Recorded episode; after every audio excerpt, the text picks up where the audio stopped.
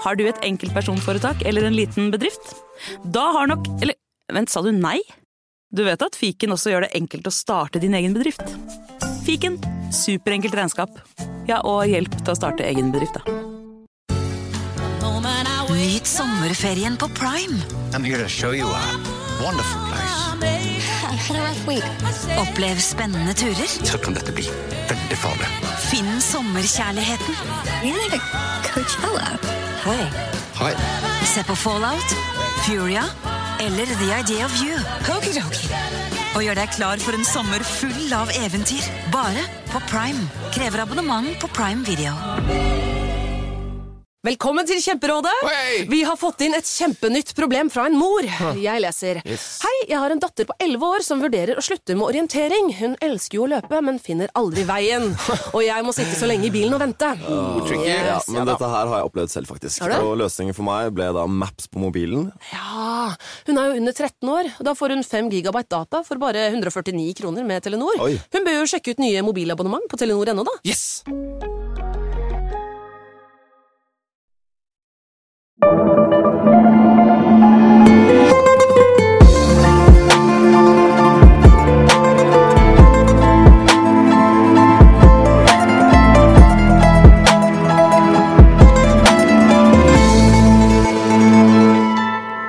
Velkommen til en eh, ny episode av eh, Gangsterpodden. Jeg er fremdeles Simen Fosheim, Og jeg er fremdeles Henrik Fladseth. og du har fremdeles en hes stemme. Ja, vi, det har litt med å gjøre at vi, vi spiller jo inn eh, et par episoder litt tett her. Ja, ja, nå tar vi Så det samme dagen som ja. Halloween-episoden. Ja, Så jeg er ikke like hes for, uh, uka etter.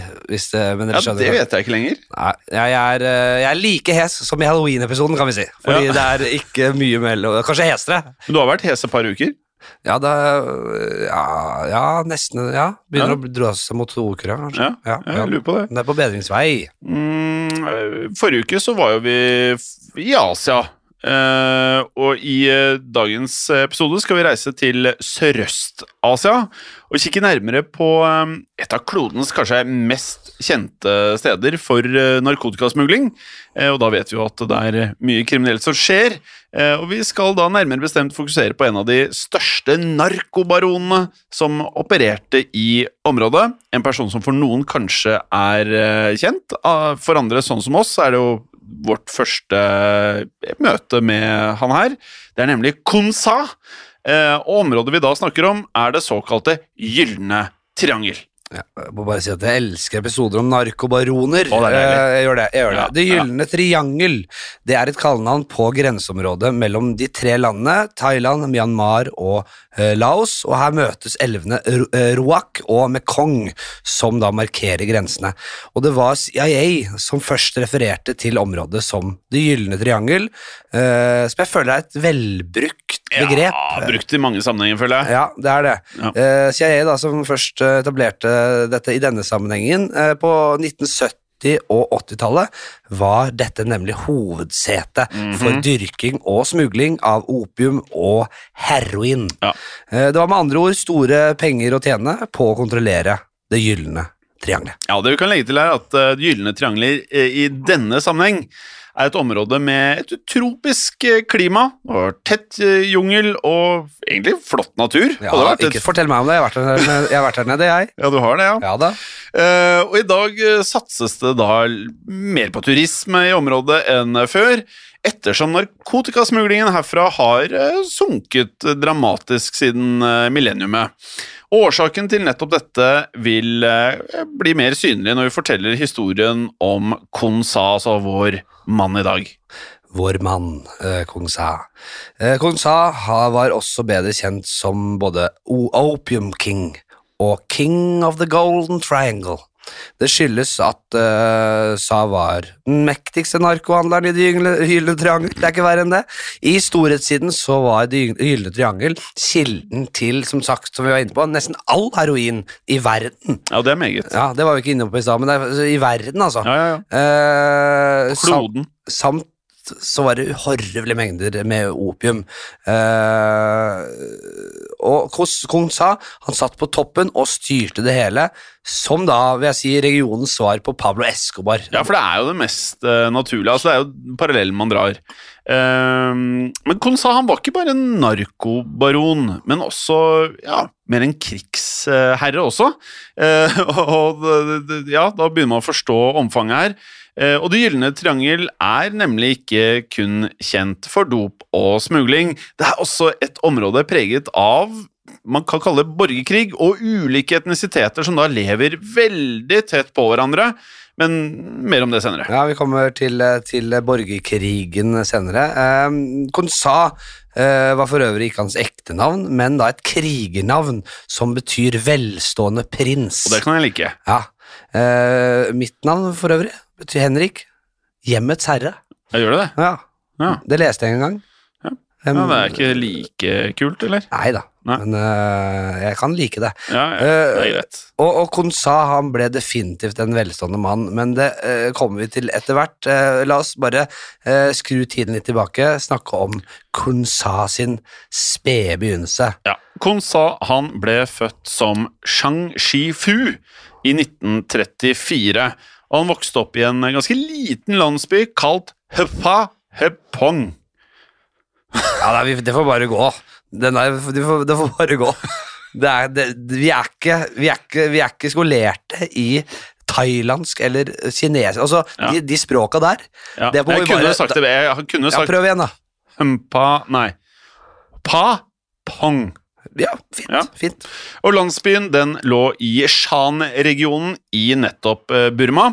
Og i dag kjenner vi landet eh, Burma med Ja, det er jo flere som nå bare vet at det heter Myanmar. Ja. Eh, likevel så var ikke Kon Sa av burmesisk herkomst. Som nevnt er Det gylne triangel et lappeteppe av ulike folkeslag, og Kun Sa var etnisk eh, fra Kina eh, på farssiden.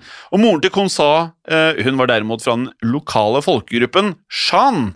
Så Kun Sha han mistet begge foreldrene sine i relativt ung alder, og ble i stedet oppdratt av sin kinesiske bestefar, som da var leder i landsbyen. Men lite overraskende for mange av de vi prater om i denne podkasten, Flatseth, så var Konsa han var ikke veldig eh, mye på skolen. Eh, og han lærte aldri å lese eller å skrive sånn skikkelig, selv ikke som voksen. Nei, eh, selv om Gonza aldri fikk seg noe ordentlig skolegang, så eh, gikk han, eh, hva skal jeg si, en skole Han, gikk skolen som soldat. Ja. Livets knallharde skole, vil kanskje mange si. Hard knocks. Ja, eh, og dette hang jo sammen med store hendelser i Kina på den tiden. I 1949 så ble nemlig den kinesiske borgerkrigen avgjort. Etter to tiår med krig. Mao Zedong og den kinesiske kommunisthæren nedkjempet den kinesiske regjeringshæren kalt eh, Kuomintang. Eh, Kuomintang forkortes gjerne, gjerne bare til KMT, eh, og lederen for Kuomintang Eh, altså KMT, som jeg syns er betydelig lettere å forholde seg til. Eh, lederen for KMT het Chiang Kai-shek. Ja, og etter tapet i borgerkrigen så flyktet eh, Chiang Kai-shek og de fleste lederne og soldatene i KMT til øya Taiwan. Men 5000 av KMT-soldatene de flyktet derimot inn i jungelen i Burma for å unnslippe kommunistene. Og jeg, det er greit at vi bare sier Burma, for Nei, det var det det det het- het. ja, nettopp, den, ja, ikke sant? Det det det het den gangen. Ja, ja. Og KMT de dannet da en base i jungelen og planla et motangrep mot Mao og kommunisthæren. Og her ble KMT støttet av CIA, som også ville fjerne kommunistene fra makten i Kina. Og jeg kan, Velkjent ja, vel, vel, velkjent, og det er en serie på HBO nå som heter Snowfall. Eh, veldig kul. Eh, se- sett- ja, ja, har du sett den? Ja. Ja, det er- falt av med ja, okay, ja, det er eh, kokain og crack i LA-området, hvor man da blir kjent med mye CIA-folk som da er i dette området her, og supplier da dette mye dop til eh, gatene i LA. Dobbeltagenter. Ja. Konspirasjon eller ikke, men ja. Eh, For å finansiere angrepene mot eh, Mao eh, så tok KMT kontroll over dyrkingen av opium. I Burma så var det eh, denne planten da som het opiumsvalmue, og opium kunne lages eh, eh, av melkesaften da til opiumsvalmuen. Eh, opium i røykeform, det har jo da omtrent samme effekt som morfin, eh, og det var derfor svært populært, og er det fortsatt. eh, og det, er et verdi, det, var, det var et veldig verdifullt rusmiddel på denne tiden, spesielt i Kina. Jeg må bare legge til, jeg vet at jeg tar litt mye filmreferanser, men har du sett Once Upon a Time in America? In Hollywood, nei. Nei. In America? Nei, det tror jeg ikke, kanskje ikke. Ja. Eh, da er det jo eh, sånn at Robert De Niro røyker opium eh, i starten av filmen der, da. Ja. Og mange av disse gangsterne gjorde jo det. Da KMT etablerte seg i Konsa sitt hjemland, altså Burma, så var Konsa bare ja, en tenåring, da. Men Konsa kom fort i kontakt med KMT, og han var villig til å lære seg soldatyrker, kan han fortelle. For på starten av 1950-tallet så fikk Konsa rett og slett våpentrening og også militærkunnskap av KMT-soldatene, som da kontrollerte hjemstedet hans. Og Sa skal ha vært en god rekrutt og vist egenskaper som eh, leder. Så han fikk derfor tillit til å starte sin egen lille hær allerede som 16-åring. Ja, Kildene fra denne tiden er jo litt uklare, men Konsa eh, sin hær skal ha bestått av eh, noen hundre unge menn. eh, og Ved å jobbe for KMT i smuglingen av opium, så bygget Sa opp hæren sin til å bli større og større og rikere og rikere. Og dette er jo en historie vi liker. ikke sant? Dette er så filmatisk. Han bygger seg fra bunn og får en enda større følgerskare følgerskare og får mer penger. og ikke sant? Dette kan vi like. Like. Sa han etablerte seg som en uavhengig krigsherre etter hvert blant eh, de mange andre opprørerne i San- San-regionen. Eh, San-regionen det var et ustabilt område i daværende Burma, og uh, var jo en del av Det gylne triangel. Og den unge krigsherren, som vi nå kan kalle han, eh, Konsa, byttet allianser etter hva som passet han best, eh, noe som vi eh, kan få se et lite, eller høre et lite eksempel på. Ja. Vi kan jo ta bare en eh, liten recap her. I 63 så var da Konsa blitt ikke 30 engang, 29 år gammel. Mm. Og samme år så ble han da oppsøkt av eh, burmesiske myndigheter. Og staten de ønsket å betale Konsa sin milits for å rett og slett da slåss mot andre opprørsgrupper i Shan-regionen. Og myndighetene de var rett og slett eh, lei av å kjempe mot opprørerne på egen hånd på alle mulige kanter av eh, landet. Og nå ville de rett og slett ha lokale krigsherrer til å gjøre jobben for dem. Eh, Og myndighetene de tilbød alle krigsherrene land til å bygge veier og til å dyrke jord. Litt ukonvensjonell måte å løse det på, kanskje. Ja, det er jo var og kan man si er en eh, litt ustabil region, eh, dette Burma-området. Ja.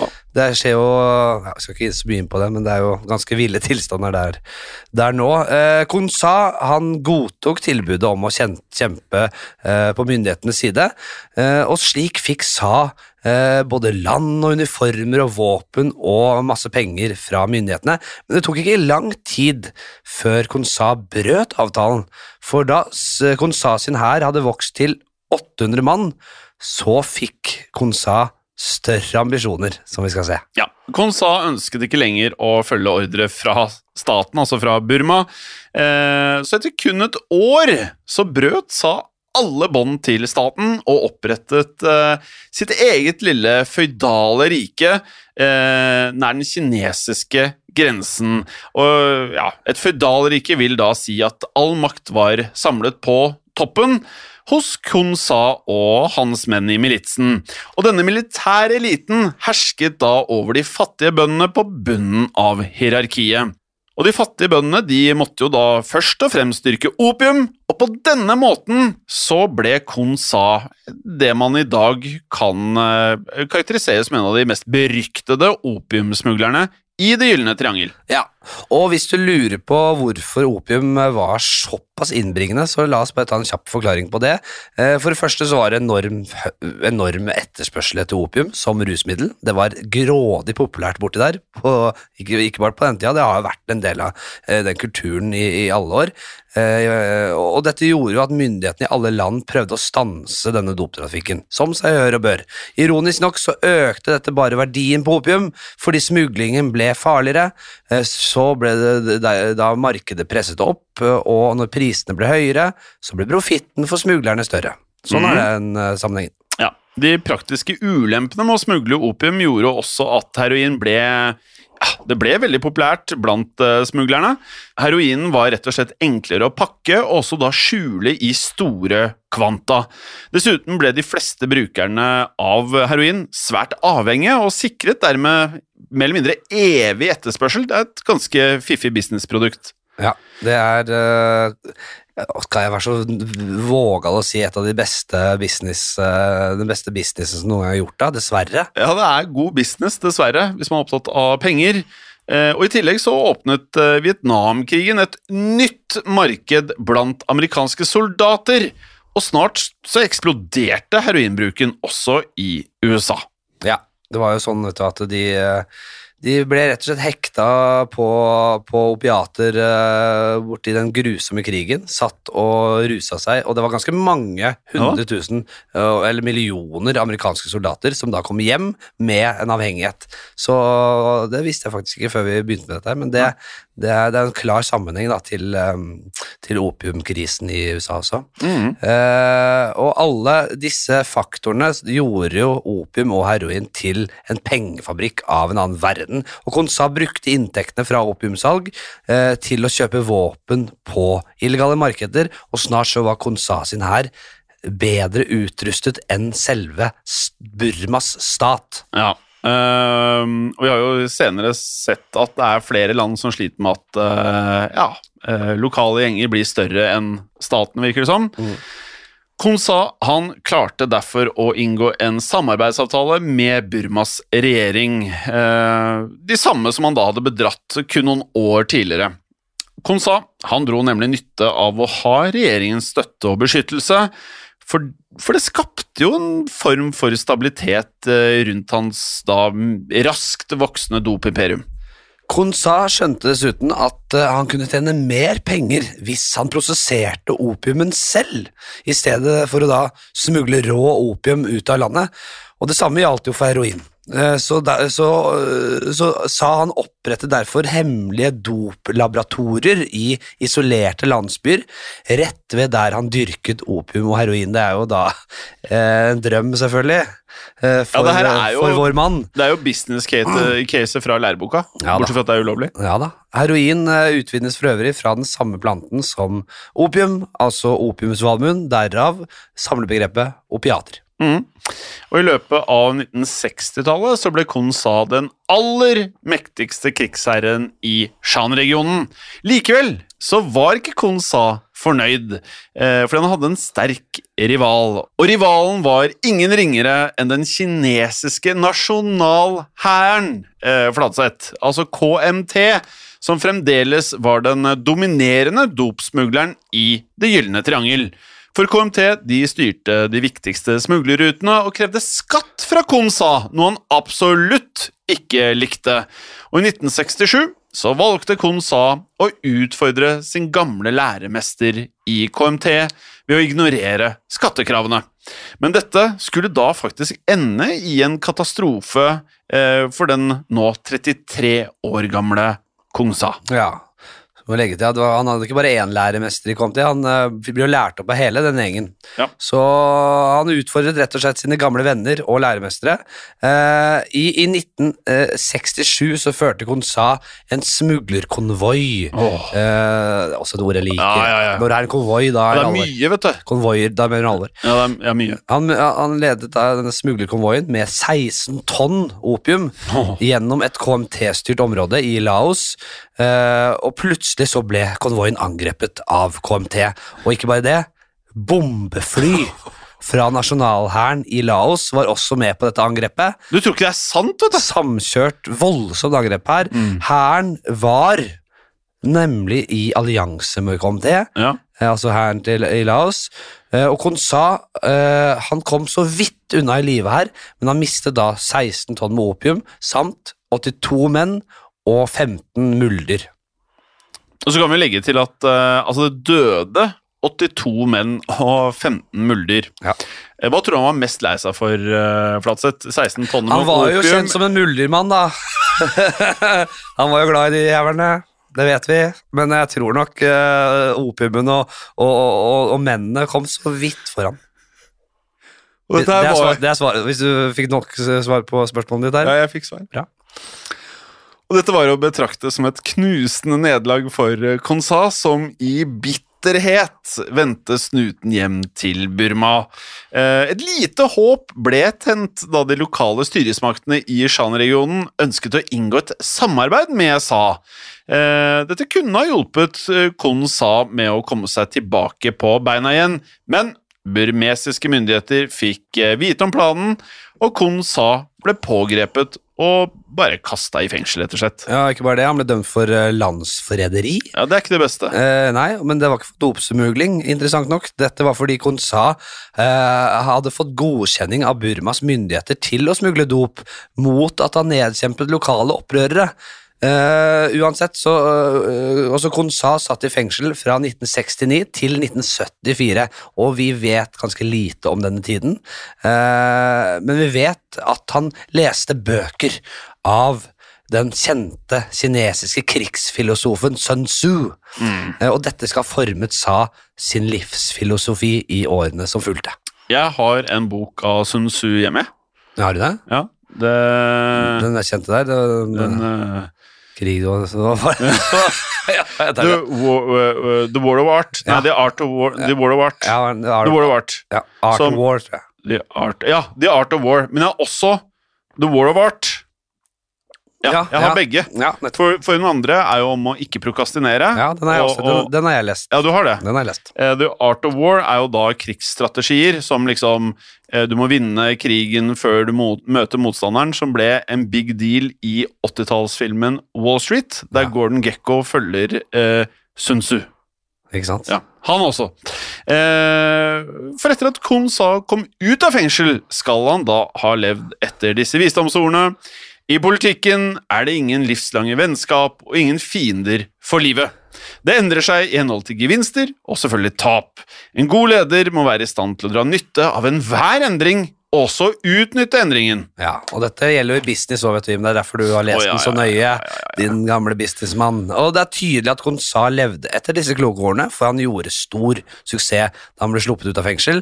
Konsa reiste over grensen til Thailand, og der slo han seg ned i byen Ban Hing Taek. Eh, Og fra denne byen eh, i de thailandske fjellene så tok han opp kontakt med gamle støttespillere og etablerte et dopnettverk som ja, hva skal vi si, nesten mangler sidestykke i historien. Ja, ja, om det gjør. Eh, Hvis hvis vi trodde han var ferdig. Å nei da. Nei. Eh, og hvordan dette ble til, ja, det skal dere få høre om etter en liten reklamepause.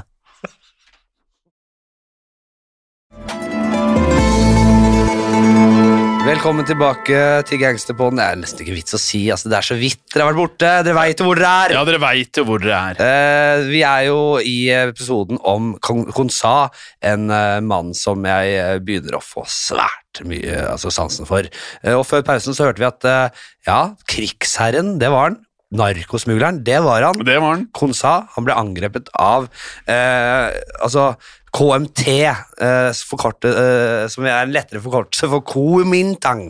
Eh, for så å da bli eh, fengslet i Burma, men etter fem år i bak lås og slå så kom Konsa ut, eh, etter å ha lest veldig mye filosof, krigsfilosofi, Sun Tzu, og så etablerte han seg i Thailand, og derfra i denne fjellandsbyen i Thailand så gjorde han seg klar til å bygge opp et nytt, mektig Ja, ja. dopnettverk i nettopp det gylne triangel. Vi må gi han mye kred. Altså, det er et pågangsmot der som uh, mangler sidestykke. Altså. Ja, men Det er en historie vi, altså på høyt nivå, og det er bare det å bygge seg opp i en fjellandsby!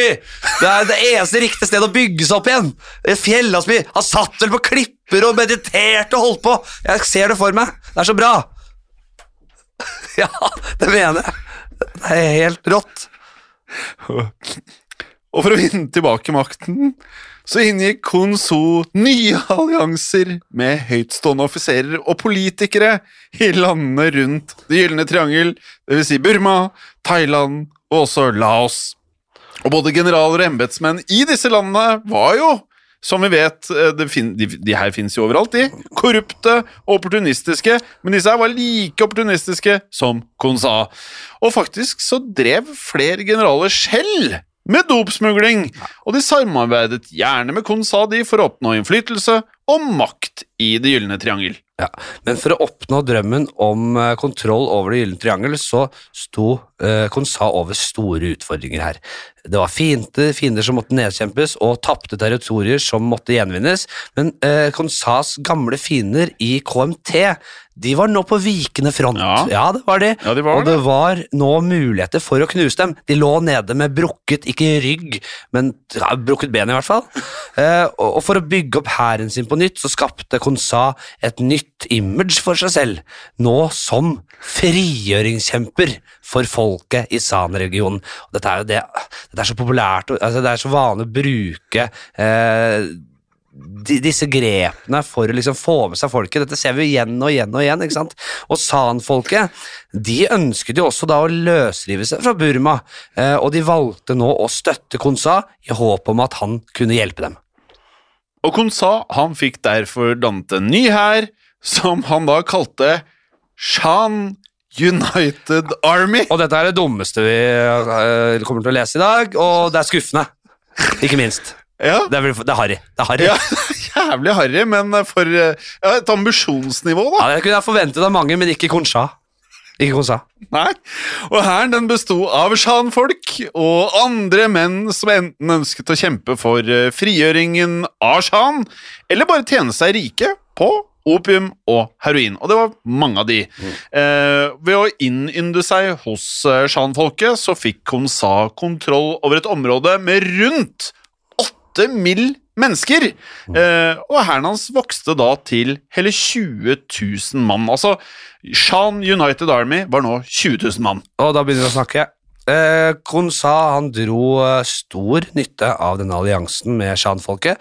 Eh, burmesiske myndigheter hadde nå lite kontroll over hva som foregikk i denne regionen shan, delvis fordi regionen var isolert med mye ulendt terreng.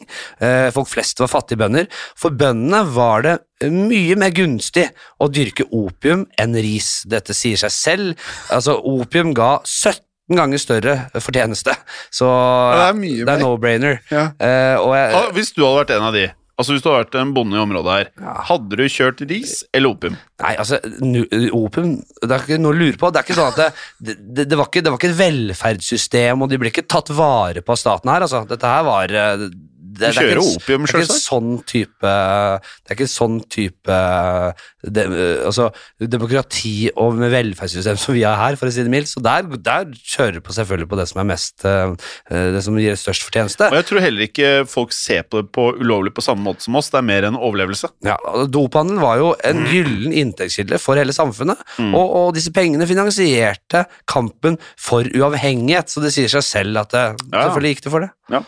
Og på denne måten så kunne jo da Konsa bruke denne fattigdommen som vi nå prata om, i Shan-regionen til å rettferdiggjøre dopsmuglingen. Og han hevdet jo da selvfølgelig at dopsalg var eneste måten å sikre befolkningen mat, klær og utvikling, selvfølgelig. Og Konsa skal faktisk ha tatt kontakt med USA og andre vestlige land og tilbudt seg å, å slutte med opium. Men det kom med en pris. USA måtte nemlig overføre store, store dollarsummer til Konsa. Og pengene skulle angivelig betale for landbruksutstyr og helseutstyr, men i realiteten ville alle pengene gått rett inn i Konsas allerede eh, ja, relativt store private formue. Eh, og da kan vi jo gjette oss til hva USA svarte. Det ble nei. Det ble no. Eh, no. eh, Men Konsan trengte ikke amerikanernes Nei, penger. nei, nei. For med Shan United Army i ryggen, så klarte han å eh, ta tilbake sine tapte områder fra KMT, og slik ble Konsa i løpet av 1970-tallet den klart mest dominerende druglorden i Det gylne triangel. Ja, og Kon sa han eh, ikke bare ble han den mest dominerende, han festet et solid grep om eh, heroinhandelen. Eh, han styrte den faktisk uten særlig motstand, etter hva vi har forstått, i eh, over to tiår.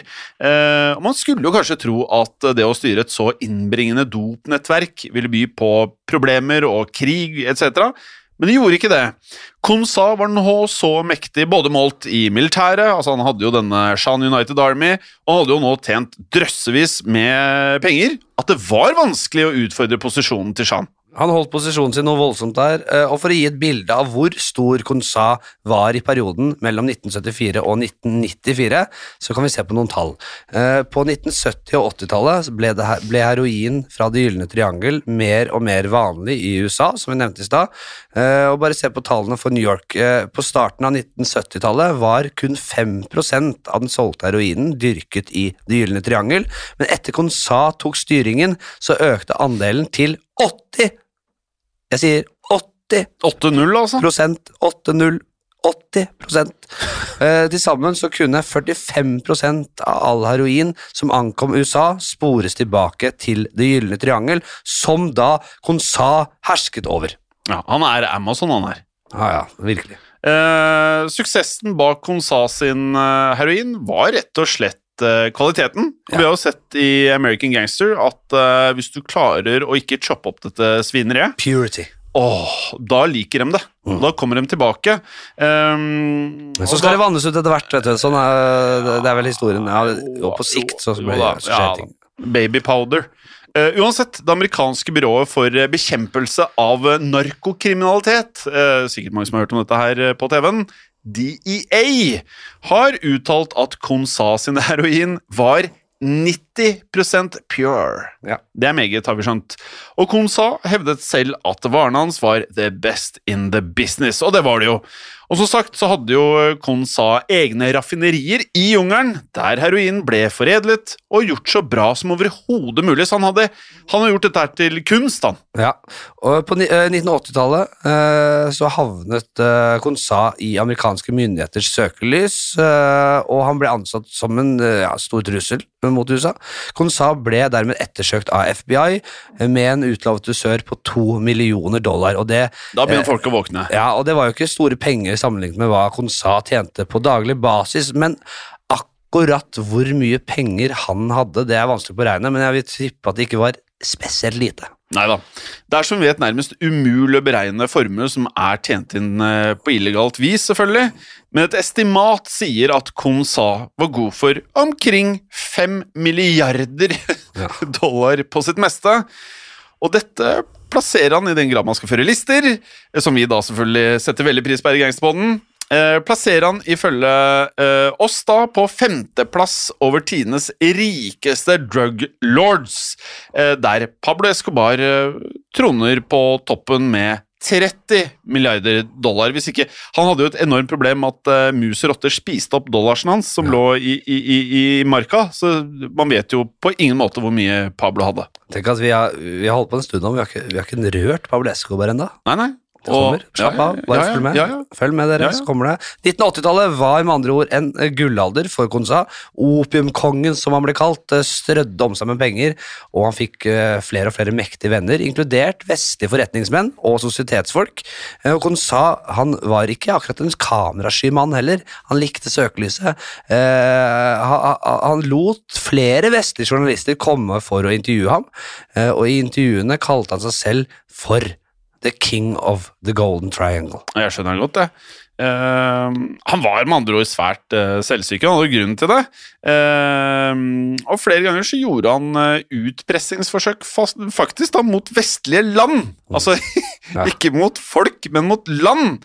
Eh, og Kohn sa han tilbød f.eks. den australske regjeringen å kjøpe alle heroinmarkene han eide. Eh, og da kan jo du gjette, Flatseth. Hva tror du noe sånt kan prises til? 400 millioner australske dollar, tipper jeg da. Ja, det er juks, eh, men det er helt riktig. eh, Som da tilsvarer omkring 6,2 milliarder norske kroner i dag. Som jeg vil jo si at jeg hadde bumpa opp det der med fem-seksgangeren, hadde man prissatt det i dag, kanskje. 90 av heroinen. Ja. Ja. Eh, og Australia de svarte med å si at de på ingen måte er villige til å betale kriminelle for ikke å være kriminell. Jeg, eh, jeg mener det var 80% men eh, Var det 80? Ja, men det, 90, det går fint. Det bare sier jeg nå. Det, er, det var mye, i hvert fall. Det meget, kan vi bare- ja, ja, det var 80. det vil bare holde oss ja, med at det var mye. jeg ser det. Mm. Eh, det er verdt å nevne at hvis Consoa eh, faktisk hadde ødelagt åkrene sine, så ville det globale heroinmarkedet blitt halvert. Ja. Og som i filmen Goodfellas, så er jo da de første 60 minuttene Det er én lang historie om at man eh, ja, ser at eh, man går fra suksess til suksess. Men som i enhver god eh, gangsterfilm, så kommer det et vendepunkt. vendepunkt. Og det gjør det også for vår mann Konsa. Ja, øh, som vi har nevnt, så ønsket både FBI og DEA, DEA å sette en stopper for øh, Konsa sitt dopimperium, og som vi nevnte, så hadde Konsa sin base i Thailand. Amerikanerne la derfor stort press på øh, thailandske myndigheter på 1980-tallet, og USA ville at thai-generalene skulle sende tropper inn i Shan-regionen for å finne og drepe Konsa og styrte hele imperiet hans. Ja, og I det første forsøket på å drepe Konsa så ble en thailandsk elitegruppe på 39 mann fullstendig tilintetgjort. Så det thailandske forsvaret de sendte derfor en ny tropp til eh, Konsas base, nå med 1000 mann. Eh, De sendte krigsfly og også helikoptre. Og kampene de foregikk i eh, fire dager, de, eh, med store tap på begge sider. Men det de thailandske troppene ikke var klar over, var at Konsa hadde fått tips om angrepet på forhånd. Så Konsa hadde derfor eh, flyktet til det burmesiske høylandet eh, og gjemt seg der. Ja, Ettersom Konsa sin base i Thailand ble tilintetgjort, måtte Sa for tredje gang opprette et nytt hovedkvarter, og denne gangen ble det i byen Huamuang i Burma.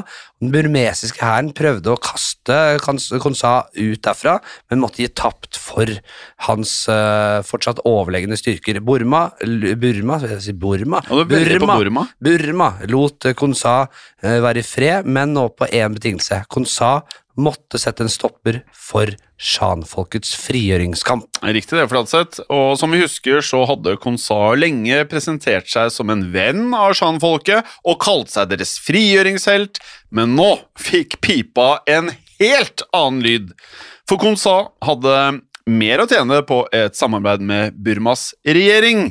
Og derfor så begynte Konsa selv å undertrykke shan-folket, som han regjerte over som en diktator de neste årene. Ja. Og denne hemmelige avtalen mellom Burma og Konsa eh, fikk noen eh, spesielle konsekvenser. Amerikanerne inngikk i 1987 en avtale med burmesiske myndigheter for å slå ned på dophandelen. USA visste ikke da at Konsa hadde kommet dem i forkjøpet. Eh, Burma tok imot store donasjoner fra USA, men i stedet for å handle militært mot Konsa, så laget burmeserne falske militærrapporter. Der hevdet burmeserne å ha angrepet og drept Konsa. Ja, men dette var jo bare ren sprøyt. Eh, myndighetene i Burma var som sagt eh, i lomma på den mektige krigseieren vår, og Konsa han eh, kontrollerte dessuten landområder som staten trengte for å bygge motorvei.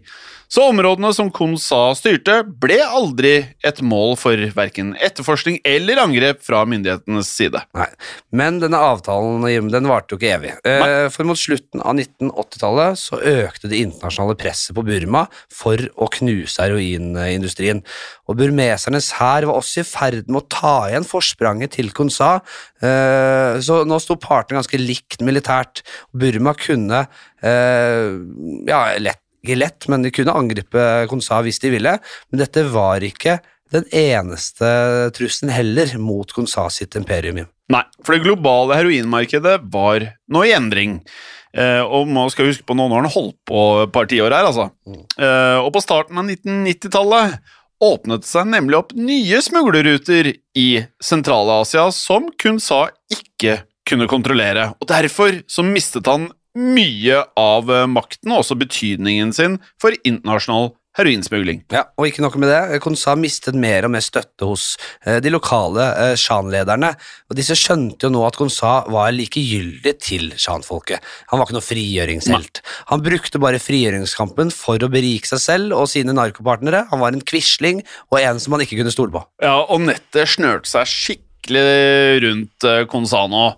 For eh, han hadde jo egentlig bare to valg igjen. han. Enten ta kampen mot Burmas hær med sine da svekkede Shan-styrker, eller gjøre en avtale med Burmas regjering som da sikret ham frihet og en form for formue. Ja, og Konsa var selvfølgelig smart nok til å velge det siste. Pragmatisk som han var, så forsto han at en slik avtale var hans beste løsning. Avtalen med regjeringen krevde imidlertid at uh, Sa la ned hele heroinvirksomheten, men han var jo uansett styrtrik Ja, ja. på dette tidspunktet. Ja, han var det. I 1996 trådde avtalen i kraft, og Konsa han eh, overga seg til den burmesiske hæren. Det hele var som sagt avtalt eh, spill da med burmesiske myndigheter. Sa ble da i hemmelighet lovet statlig beskyttelse samt en forsikring om at han ikke ville bli utlevert til andre land. Og vi vet jo fra en Alle som har sett Narcos, vet hvor lite narkofolk ønsker å bli sendt til USA. Eh, noe som gjorde at USA ble forargret, eh, fordi de da selvfølgelig ønsket å stille Sa for retten. Ja, og det finnes uh, få opplysninger om resten av Konsa sitt liv, eh, men han skal ha rett og slett levd en komfortabel pensjonisttilværelse, han, i Burma. Uh, Konsas åtte barn fikk også leve fritt og gjøre business i landet. Konsa skal ha fått beholde rikdommen sin, men han måtte eh, holde en lav profil og ikke gjøre business i utlandet, og jeg tror han var greit fornøyd med det. Ja, Uansett så var dette en svært lukrativ avtale for en mann som var eh, ettersøkt over hele verden, og som var fiende av eh, flere regjeringer, andre smuglere og også lokale opprørere. I motsetning til mange andre store eh, gangstere, mafiafolk, kriminelle i denne podkasten her, så fikk Sa en rolig alderdom i frihet, uten, etter hva jeg har forstått, eh, blitt utfordra noe særlig, ikke drept i- eller havna i fengsel. Nei, og det var egentlig litt deilig å Ja, å for en gangs skyld. Ja, for en gangs skyld. Ja, Det går alltid til helvete. Ja, det går så jævlig til. Eh, vi skriver 2007, eh, og da kommer meldingen om at Konsa var gått bort i en alder av 74 år. Eh, Konsa slet både med høyt blodtrykk og diabetes i sine siste år, og det antas at dette var årsak til dødsfallet også. Konsa han valgte å bli gravlagt i Yangon, Burmas hovedstad. Han ønsket ikke å bli gravlagt i Shan-regionen, hvor han kom fra, fordi eh, han rett og slett fryktet at graven ville bli vandalisert, fordi han hadde jo fått en del fiender der etter, eh, etter at han eh, vendte dem ryggen. Mm. Det har ettertid blitt hevdet at Konsa egentlig ikke var på toppen av sitt eget imperium. Eh, mye taler for at kriminelle organisasjoner fra Yunnan-provinsen i Kina eide store andeler av nettverket, og at Konsa mer eller mindre fungerte som en puppet, altså en frontfigur som da utøvde primært vold og, og viste makt. Eh, dette er ja, midlertidig for oss eh, umulig å få bekreftet, selvfølgelig.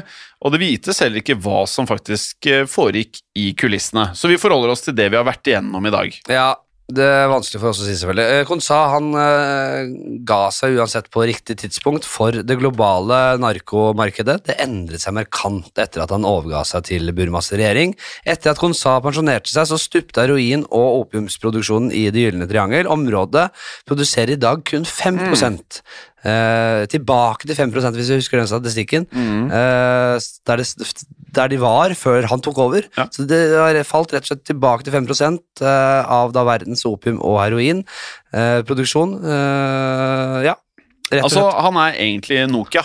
Altså, han var 80% og så Eller området var 80 så endte det med 5 Det er godt mulig. Det, du liker å dra de sammenligningene. Ja da, ja da. Ja, da, Ja, nå er jo Nokia Microsoft Software var i hvert fall en periode, er jo ikke spesielt mye å samle på. Men uansett, mens Det gylne triangel mistet sin betydning, ble fjellområdene i Afghanistan, også Pakistan og Iran de nye hovedsetene for opium og heroin. Og i dag står Afghanistan alene Altså, de har blitt uh, gamle Nokia.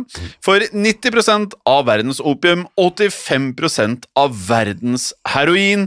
Og inntektene fra narkotika har eh, vært en uh, særdeles viktig inntektskilde for Taliban. Ja, og vi kan eh, rett og slett bare si med en gang at det jobbes med en episode om nettopp Taliban og eh, heroin- og opiumproduksjon og smugling, så det blir veldig spennende.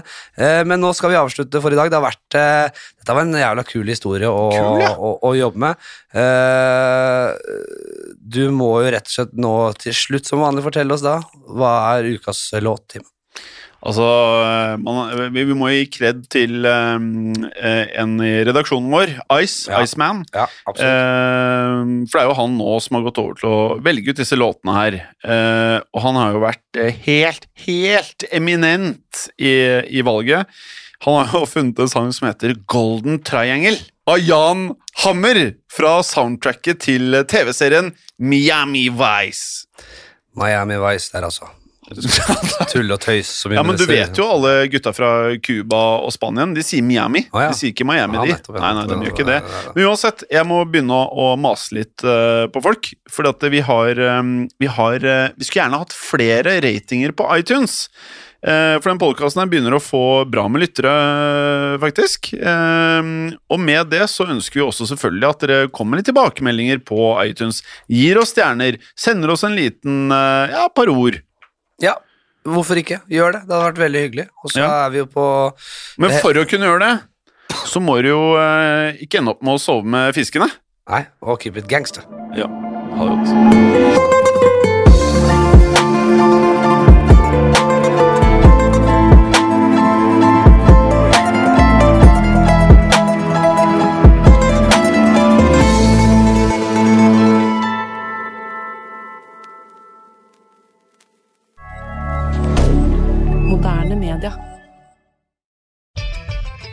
Kundene dine betale slik de ønsker?